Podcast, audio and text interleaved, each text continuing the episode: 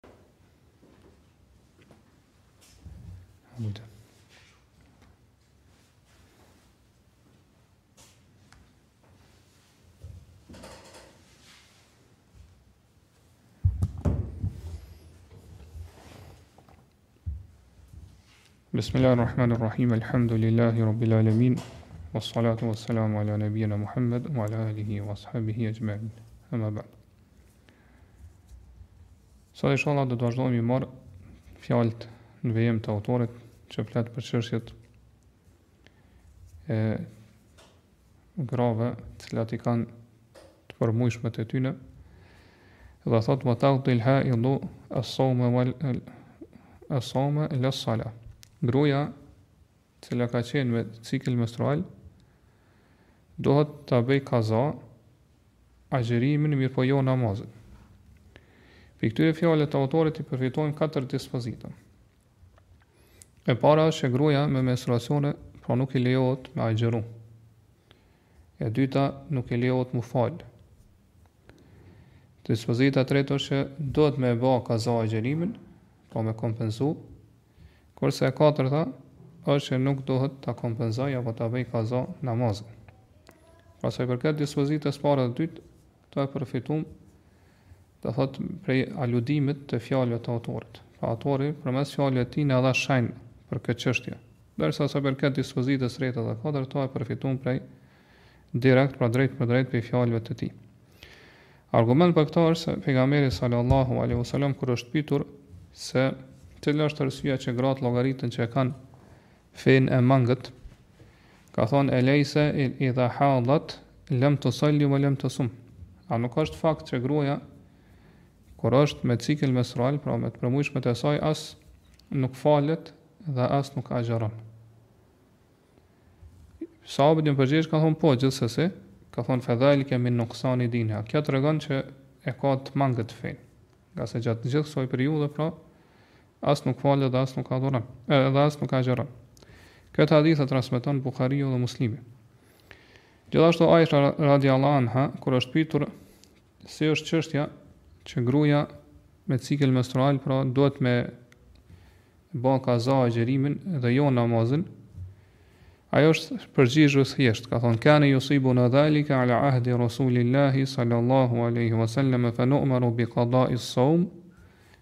Wa la nu'maru bi qada'i s-salah. Thotë kjo gjë na ndodhte neve, pra grave në kohën e Pejgamberit sallallahu alaihi wasallam, dhe ne urdhëroheshim që ta bënim kaza, pra ta kompenzonim agjërimin dhe urdhëroheshim që mos ta kompenzonim apo mos ta bënim kaza namazin.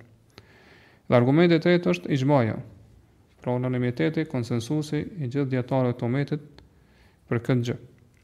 Nëse dikush pyet, apo thotë cila është urtësia që gruaja duhet me ba kaza agjerimin dhe jo namazin?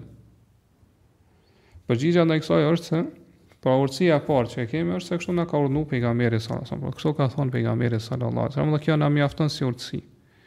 Mirëpo disa dijetarë Allahu i mëshiroftë Janë mundu edhe me nxjerr edhe një urtësi, cilën pra e kapim ose perceptojmë me mendjen tonë edhe kanë thonë që agjerimi, pra siç e dimë, bëhet një herë në vit. Vetëm një herë në vit, pra një muaj gjatë vitit, muslimanët agjerojnë. Kurse namazi përsëritet shpesh, pra çdo ditë. Prandaj, me, me, me detyru gruan, pra me ja bo obligim që me agjeru, Ramazanin, pra me kompenzu, kjo është ma e lehtë. Ma e lehtë për ta, pra me kompenzu agjërimin. Ngase, nëse i themi pra gruas që mos me agjëru hiç, mos me bo kaza hiç, pra ato ditë që i kalon pa agjëru, atëherë kjo i bje që ajo mos me agjëru fare ose shumë pak. Ndërsa sa i përket namazit, atëherë e dimë që namazi përsëritet, pra që është shpesh. Pra si për gra, si për burra, falen çdo ditë pesë kohë.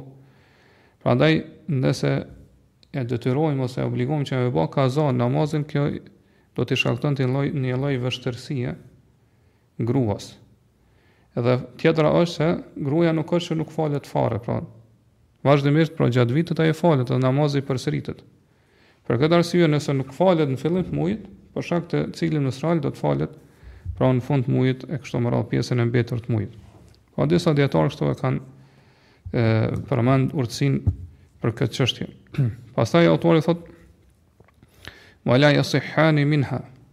Nëse gruaja falet apo agjeron duke qenë me cikël menstrual, nuk i pranohet pra as agjerimi dhe as namazi. Nuk i pranohet, nuk është i saktë dhe nuk i pranohet te Allahu. Për shembull, nëse një grua i kujtohet që para se më ardhë cikli menstrual nuk e ka falë një namaz. Pra ka një namaz të humbur, pa falë, për shkak, për një arsye fetare, për shembull e ka harru, e kështu me radhë, pastaj e bën kaza këtë namaz gjatë ciklit menstrual, në këtë rast ajo nuk e shlyen obligimin e saj që e ka, pra përgjegjësinë e saj që e ka para Allahut, nuk lirohet prej përgjegjësisë për këtë namaz. Patjetër do të duhet me e falë edhe një herë kur të pastrohet prej ciklit menstrual. Pra na e morëm si shembull për namazin që ka ik ose ka humb, ngase kjo është obligim për gruan që kurdo që të pastrohet me e falë. Për dallim prej namazit që është prezent, pra që gruaja me cikël menstrual nuk e ka obligim me fal fare. Madje, siç e thamë, nuk i saktësohet edhe as nuk i pranohet.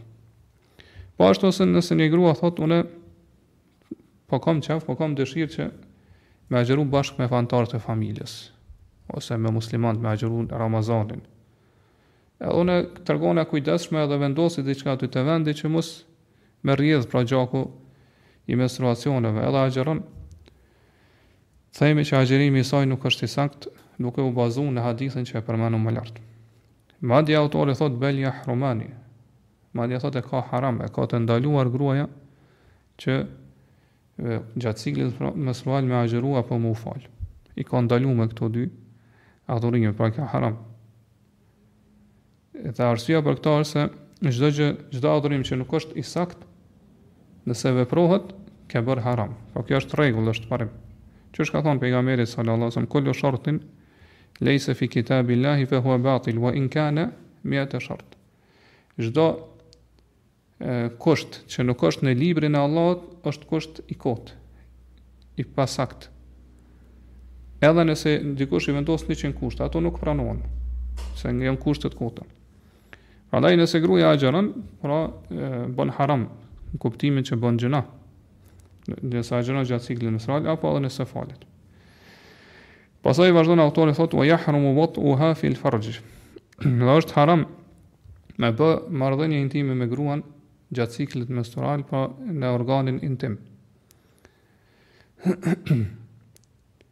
dhe harami, qysh thamë, qysh e kemi përmend edhe ma lart, edhe dhamë shenjë pak më sipër, është se është një gjë që është e ndaluar në form të detyrimit që ti pra je i detyruar me braktis atë. Po është një gjë e ndaluar, të cilën ti je detyrimisht i obliguar që ta braktisësh atë. Dhe cila është dispozita e një harami. Pra ai i cili e zbaton këtë urdhën të Allahut, pra që me braktis një gjë, shpërblehet për, për, për, për lënien apo braktisjen e asoj gjëje. Ndërsa ai i cili e vepron e meriton dënimin. Po kjo është definicioni apo dispozita për haramin. Ai i cili e lën duke zbatuar urdhën e Allahut, shpërblehet. Ndërsa ai i cili e kryen e vepron atëherë meriton ndëshkimin. Pra meriton ndëshkimin? A e dënon Allahu apo jo? Kjo do të thonë mbetet mes tij dhe mes Allahut. Argument që është haram, pra që me bërë marrëdhënie intime me gruan e pra që që gjatë ciklit menstrual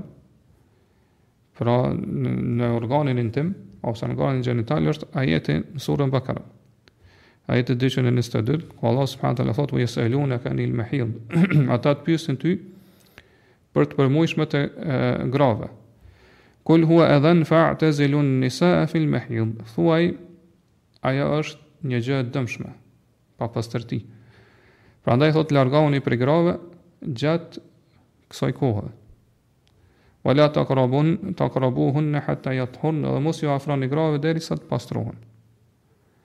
Po fjala mehid që është përmend n'kët ajet është për qëllim edhe vendi edhe koha e menstruacioneve. Pra edhe gjatë kohës edhe në vendin e menstruacioneve, që është pra organi gjenital ose organi intim i grues do të m'u largu burri edhe mos m'iu afru. Po përderisa është me të përmujshmet të saj, pra është haram edhe nuk lejohet me bërë marrëdhënie intime. Po ashtu, kur ka zbrit ky ajet, ka ardhë hadithi që pejgamberi sallallahu alaihi wasallam ka thonë isna'u kulli shay'in illa nikah. Gjatë ciklit menstrual veproni çdo gjë me gra përveç marrëdhënieve intime. Përveç marrëdhënieve intime, pra qysh thamë në, në organin intim. Qysh ka ardhë hadithi pra te Muslimi. Pastaj autori thotë, fa in faale, fa in faale, fa alehi dinarun au nisfuhu, Kefara. E nëse dikush kryen marrëdhënie intime me gruan e tij gjatë ciklit menstrual, pra marrëdhënie intime në organin intim është fjala, që është shpjeguar, atëherë thotë e ka për detyrë me dhënë në formë të shpagimit një dinar apo gjys, gjysmë dinari. Dinari, pra është monedhë e arit, e floririt, që ka ekzistu në kohën e pejgamberit sallallahu alaihi wasallam. Dhe dinari Islam, po në cilin bazohen dispozitat islame, pesha e tij është pra arabisht i thonë një mithkal. Një mithkal është parafërsisht pra një mithkal është 2 gram e një çerek. Po kjo është një pesha e një dinarit islamikisht. Po peshon 2 gram e një çerek. Prandaj, nëse dikush bën marrëdhënie intime, atëherë duhet me nxjerr në vlerë të 2 gram ari dhe 1 çerek. ë pra në vlerë të tij me dhon sadaka, me me shpagu, me bë kefaret, e ka obligim edhe me dhon sadaka pra ia jep të varfërve. Ia jep sadaka lëmoshë të varfërve. Për shembull, nëse 2 gram ari dhe 1 çerek janë kushtojnë njëqind euro, atëherë ka obligim me i dhënë pra njëqind euro kefarat ose gjysmën e tyre. Pra 50 euro. Parafërsisht. Ose kjo është vetëm si shembull, po ti tani duhet me kqyr sa sa është vlera e tyre në treg. Autori po thotë një një dinar ose gjysmë. Pra po e lën këto këtë mundësi me zgjedh vetë personit. Pra e ka obligim, e ka detyrë me dhënë sadaka ose një dinar ose gjysmë. Pra kjo është në mundësinë e tij me zgjedh. Pse? Do thon autori po thotë këto ngase kështu ka ardhur një argument, një hadith, cilin e transmetojnë pra Imam Ahmedi, Ebu Davudi, edhe tjerë prej, autorët e suneneve, pra Tirmidhiu, Nesaiu, Ibn Maxhe, prej Ibn Abbasit radiallahu anhuma, i cili tregon se pejgamberi sallallahu sallam ka gjyku Për personin i cili bën marrëdhënie intime me gruan e tij gjatë ciklit menstrual, ka thënë yatasaddaqu bi dinarin aw nisfi dinar aw bi nisfi dinar. Ai duhet me dhënë sadaka një dinar ose gjysmë dinari. Ë problemi është se rreth këtij hadithi ka mospajtim mes dijetarëve. Është hadith i saktë apo jo?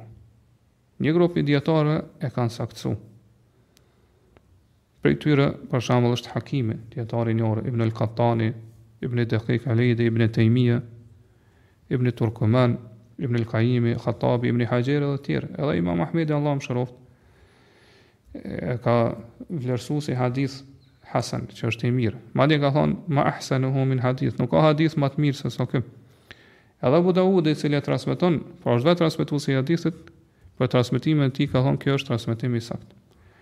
Mirëpo disa dijetarë, do thotë e kanë konsideru ose e kanë vlerësu hadithin si daif, pra që është hadith i dobët. Prej tyre Bejhekiu. Dhe pastaj gjithashtu, do thonë mendimin e tij e ka pasu edhe imam Neveviu, edhe tjerë prej dijetarëve. Madje Imam Shafi Allahu e mëshiroftë ka thonë Lau thabata hadha al-hadith la kultu bihi. Sikur t'ishte i saktë ky hadith, atëherë unë kisha punu me to. Edhe domethonë kisha gjyku me to. Për këtë arsye rreth obligueshmërisë së kafaretit, a është obligim këtë rast me bë kafaret me shpagu apo jo? Kjo është një çështje e cila do thonë është prej çështjeve të veçanta vetëm te medhhebi i hambelive. Pra kta tre tre medhhebe tjera thonë se ai i cili kryen marrëdhënie intime me gruan e tij gjatë ciklit menstrual bën mëkat. Pra duhet me u pendu te Allah me kërku falje, mirëpo nuk e ka obligim kefaretin. S'e ka obligim shpagimin.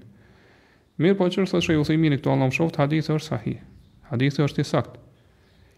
Ngase transmetuesit e tij të gjithë janë të besueshëm. Pra besnik. Dhe përderisa hadithi është i saktë, përderisa hadithi është i saktë, atëherë nuk e dëmton fare fakti ose nuk na nuk na dëmton fare fakti që këtë mendim e kanë vetëm hambelit. Ose këtë mendim e kanë vetëm hambelit. Prandaj e saktë është se Ai që kryen marrëdhënie intime me gruan e tij gjatë ciklit menstrual e ka obligim me bë kefaret. Ose më së paku që mund me thon, është s'e ka obligim do thot në formë të sigurisë, por është më e sigurt me thon që e ka obligim obligative me bë kefaret. Kjo ngjan çështja tjetër. Tash gruaja ka obligim me bë kefaret apo jo? Apo vetëm burri?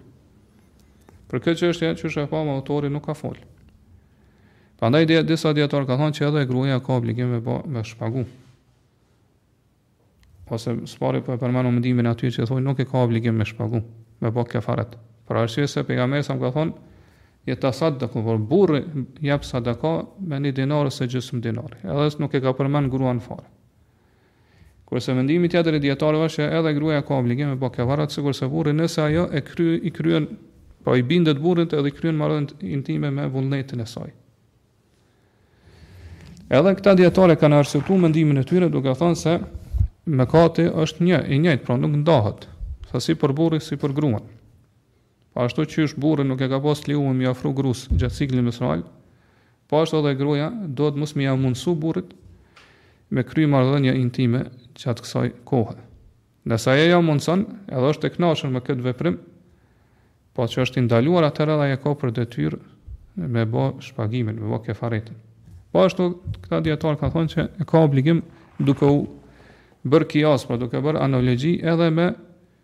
Raste tjera kur është e ndaluar me bë marrëdhënie intime, kur është haram. Për shembull, nëse gruaja bën zina me vullnetin e saj, atëherë edhe për edhe në këtë rast edhe ajo duhet të ndëshkohet me masën e caktuar ndëshkimore. Po ashtu nëse burri kryen marrëdhënie intime me gruan gjatë haxhit, para se me u liru prej ihramit, pra me atë lirimin e parë që është, edhe ajo do thot ia mundëson këtë edhe e kryen me vullnetin e saj, atëherë haxhi i saj pra zhvlerësohet, sikurse i burrit. Po është edhe te agjërimi, nëse gruaja ia mundëson pra i bindet burrit edhe ia mundëson me kry marrëdhënie pra me vullnetin e saj, atëherë edhe agjërimi i saj prishet, zhvlerësohet edhe ka për detyrë me ba kefaret. Dhe fakti që pejgamberi salallahu alejhi ve selem këtu ka heshtë dhe nuk e ka përmend kefaretin edhe për gruan, nuk tregon kjo që domethënë ky ky gjykim ose kjo dispozitë vlen vetëm për burrin ose është e veçantë vetëm për burrin. Ngase siç e dim, urdhrat në Islam kur u drejtohen u drejtohen burrave i përfshijnë edhe gratë. ose e kundërta. Nëse u drejtohen grave, i përfshijnë edhe burrat. Përveç nëse kemi argument që e tregon se ai urdhër apo ajo ndalesë është e veçantë vetëm për burra ose vetëm për gra. Edhe shpagimi është obligim nëse i plotëson tri kushte. E para është që ai i cili e kryen me me pas dijeni rreth asaj dispozite. E treta me pas kujtesën me vete. Edhe e dyta, kurse e treta është që me bë me vullnet të lirë. Nëse është injorant, i padishëm, për shembull nuk e din që kjo gjë është haram. Apo është i padishëm në këtë rast për shembull nuk e din që ajo është me me cikël menstrual. Ose burri ose gruaja nuk e din që ajo nuk kanë dijeni që domethënë është me cikël menstrual. Apo e bën prej harresës, e din mirë po ka harru që është me cikël menstrual. Apo në këtë rast nëse gruaja detyrohet prej burrit që me bë marrëdhënie intime.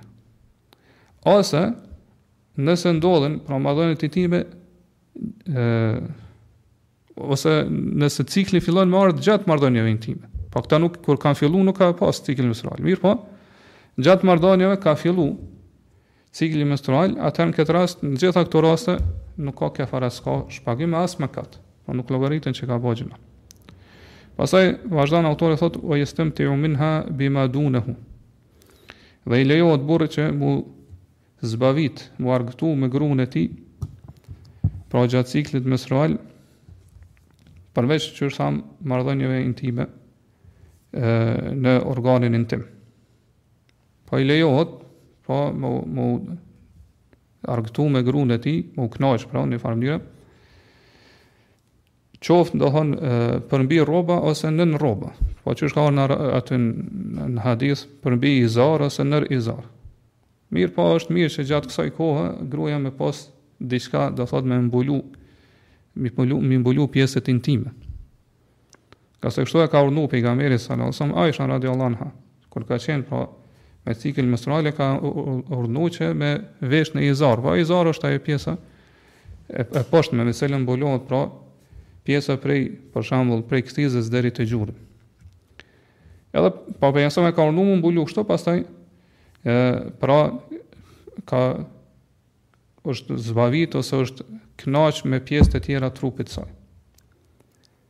Edhe fakti që pejgamberi ka urdhnu, po ky hadith është transmetuar te Buhariu dhe Muslimi. Dhe fakti që pejgamberi ka urdhnu Aishen radijallahu anha në këtë mënyrë është që mos me pa diçka prej saj, pra prej gjurmëve gjakut që pastaj do thot pejgamberi mos me pëlqy atë pamje.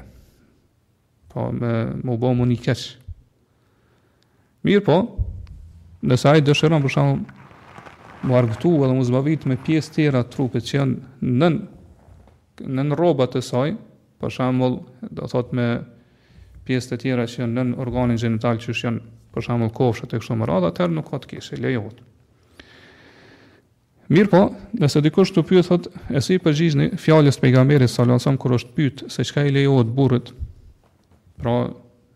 me u knaqë ose me u zbavit me, me trupin e gruas kur ajo është gjatë ciklit menstrual ka thon leke ma feukal izar. Ty të takon me vepru çdo gjë që është përmbi izarin, po përmbi kët rrobën e poshtme. Po ky hadith tregon që lejohet me u dëfry edhe mu zbavit, mu kënaq me pjesët e trupit gruas, do thon vetëm që janë përmbi izarin, jo ma shumë. Përgjigja ndaj kësajna është se Pejgamberi këto e ka thonë në formën që njeriu me qëndru larg, po me u rujt pej gjërave të ndaluara dhe me qëndru larg, që do thonë mos me ardh deri te diçka që është ma e keqe ose që është haram. Dhe kurse përgjigja e dytë është se këto dy hadithe po interpretohen dhe shpjegohen në raste të ndryshme. Pra, ashtu që është dalën personi për personit edhe përgjigja ka orë për pejgamberi salasën. Pandaj, kur ka thonë për nësën veprani shdoj që përveç mardhonjëve intime, kjo është për atë i cili mundet me kontrolu vetën, edhe me mbajt vetën, mos me po mardhonjë intime i grunë që cilë mësë Kurse kur ka thonë pejgamberi salasën, ty të takon shdoj që Përmbi izar, pra që ajo me qenë mbulume me izar, kjo është për atë i cili e din që nuk mundet me mbajt veten dhe me kontrollu edhe pastaj me ardh, po ka epsh të madh, ose dashta do thonë edhe nuk e ka imanin e fortë. Edhe bjen në haram edhe do thot kryen marrëdhënie intime gjatë ciklit menstrual. Sidoqoftë rreth këtij hadithi të dytë ka mospajtime mes dijetarëve, a është sahih apo jo. Pra kjo që e përmendëm që ty të takon çdo gjë që është mbi izar. Po disa dijetarë kanë konsideruar hadithin si të dobët, kurse disa qysh ka thonë Imam Neveviu dhe tjerë, ka thonë që hadithi është hasan dhe Allah e di, Allah e di më mirë. Pastaj nëse njeriu pra dëfrehet edhe zbavitet me gruan e tij, pra gjatë ciklit menstrual, qysh thamë përveç marrëdhënieve në organin gjenital, në këtë rast nuk e ka obligim guslin, përveç nëse ejakulon. Nëse ejakulon spermë, atëherë detyrohet, do thotë me, me, me u la, me marrë gusl. Po ashtu edhe gruaja nëse ejakulon spermë duke qenë me cikël menstrual, këtë rast dijetarët kanë thënë preferohet me marr gusl. Po që me u la për shkak gjunubllakut që u bë gjunub. Po qëllimi është që mos me mos me mbet te gruaja pra gjurmët e gjunubllakut. Dhe pavarësisht ky gjunubllak ka ndodhur Pasi që ka ardhur pra cikli menstrual, siç është rasti kur gruaja sheh ëndrra të lagështa dhe ejakulon në ëndërr ose rasti që e përmendëm më lart, kur burri pra ë dëfrehet ose zbavitet me të, ose ka ndodhur para ciklit menstrual. Po ajo ka qenë gjunub Pastaj ka ardhur cikli menstrual. Po kështu kanë thënë dijetarët që në kësi raste është e preferuar, mustahab që gruaja me marr gusl, mirëpo nuk e ka obligim. Edhe kanë thënë që ajo përfiton prej këtij gusli, prej këtij pastrimi me ujë, ngase pastaj i bëhet e lejume me lezu për shembull Ato pjesë të Kuranit që ka nevojë me lexu, për shembull gjatë dhikrit, çdo mëngjes ose mbrëmje ose para gjumit, apo kur don me mësu diçka prej Kuranit apo me ia mësu dikujt tjetër. Pra këtu kemi të bëjmë me atë mendim të dijetarëve të cilët e obligojnë pra që nëse dikush don me lexu Kur'an patjetër, pra nëse është gjunub, patjetër duhet me marr gusl.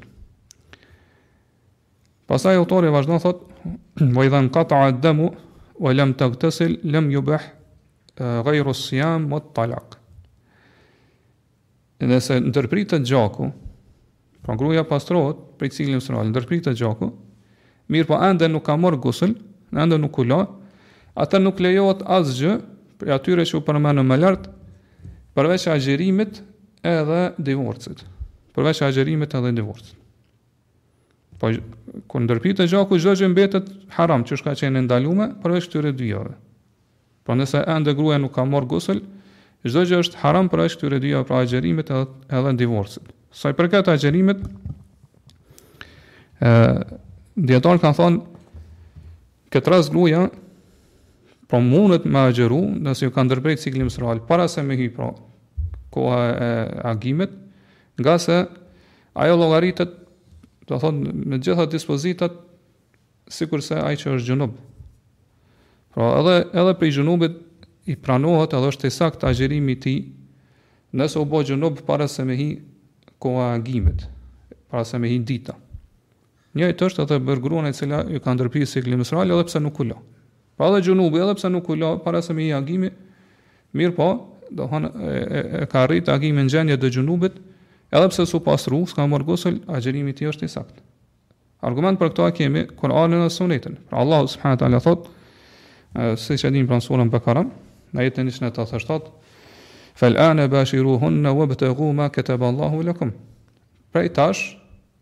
Pra, flani, afrojuni grave t'juja, pra gjatë netëve të Ramazanit, edhe kërkone atë që Allahu subhanehu ve teala ka shkru për, për ju, pastaj thotë ve kulu veshrebu hatta jetebejjene lekumul hajtul ebjedu minel hajtil esvedi minel fexhr.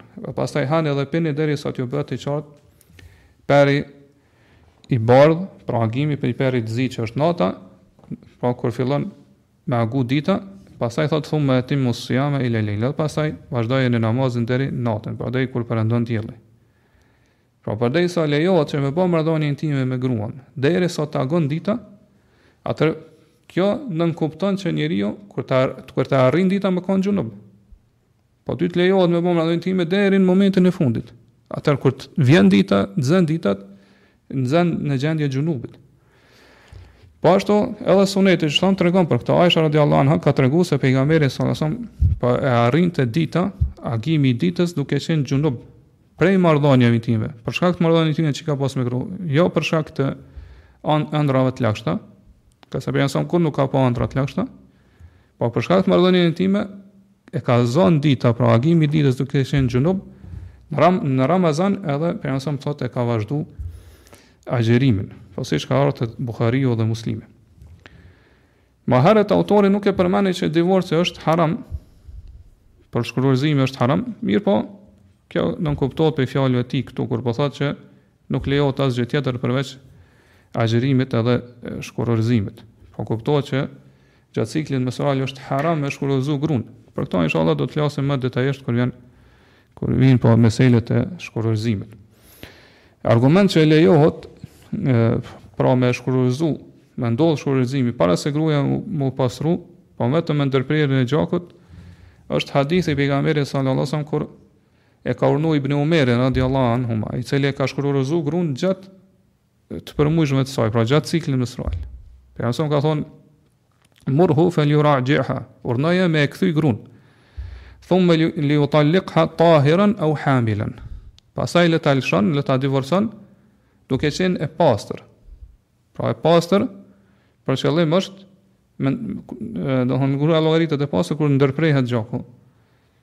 e, i menstruacioneve.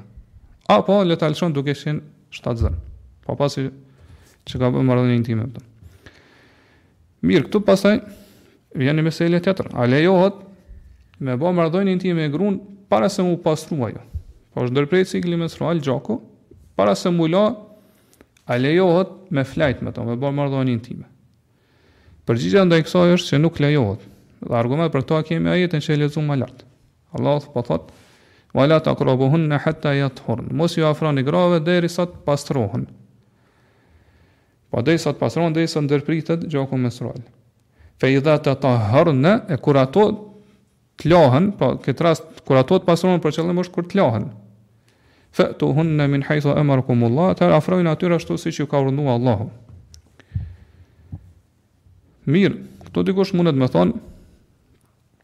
gruja kur është me, xhun, me në gjendje xhunubit, lejohet me bo marrëdhënie intime me to para se mu pastru. Pse këtu nuk po lejohet? Pra a nuk është e njëjta e, analogji. Përgjigja ndaj kësaj është që kjo analogji vjen Përballë ose karshi tekstit, që e lexuam më lart të ajetit. Pra analogjia kur e kundërshton tekstin ose e pra kundërshton direkt ose vjen përballë tekstit, nuk merret n'konsideratë. Edhe gjithashtu dikush mundet me thonë që ajeti këtu që ka ardhur fe idha tetahherne, kur ato të pastrohen, është për qëllim nëse e largojnë ose e lajnë atë gjurmë të gjakut, jo mu pastru me marrë gusëll komplet. Përgjigja për këto është se këtë kanë thonë disa prej djetarë. Siç ka qenë Ibni Hazmi, Allahu e mëshiroftë. Mirëpo, e sakta është që qëllimi me tetahhur që ka ardh me pastrim, pra është për qëllim mu pastru prej hadesit, prej gjendjes xhunubit, ose gjendjes këtë rast ciklit menstrual që është gruja. Edhe kjo nuk ndodh ndryshe veçse me gusëll, kur të lahet komplet.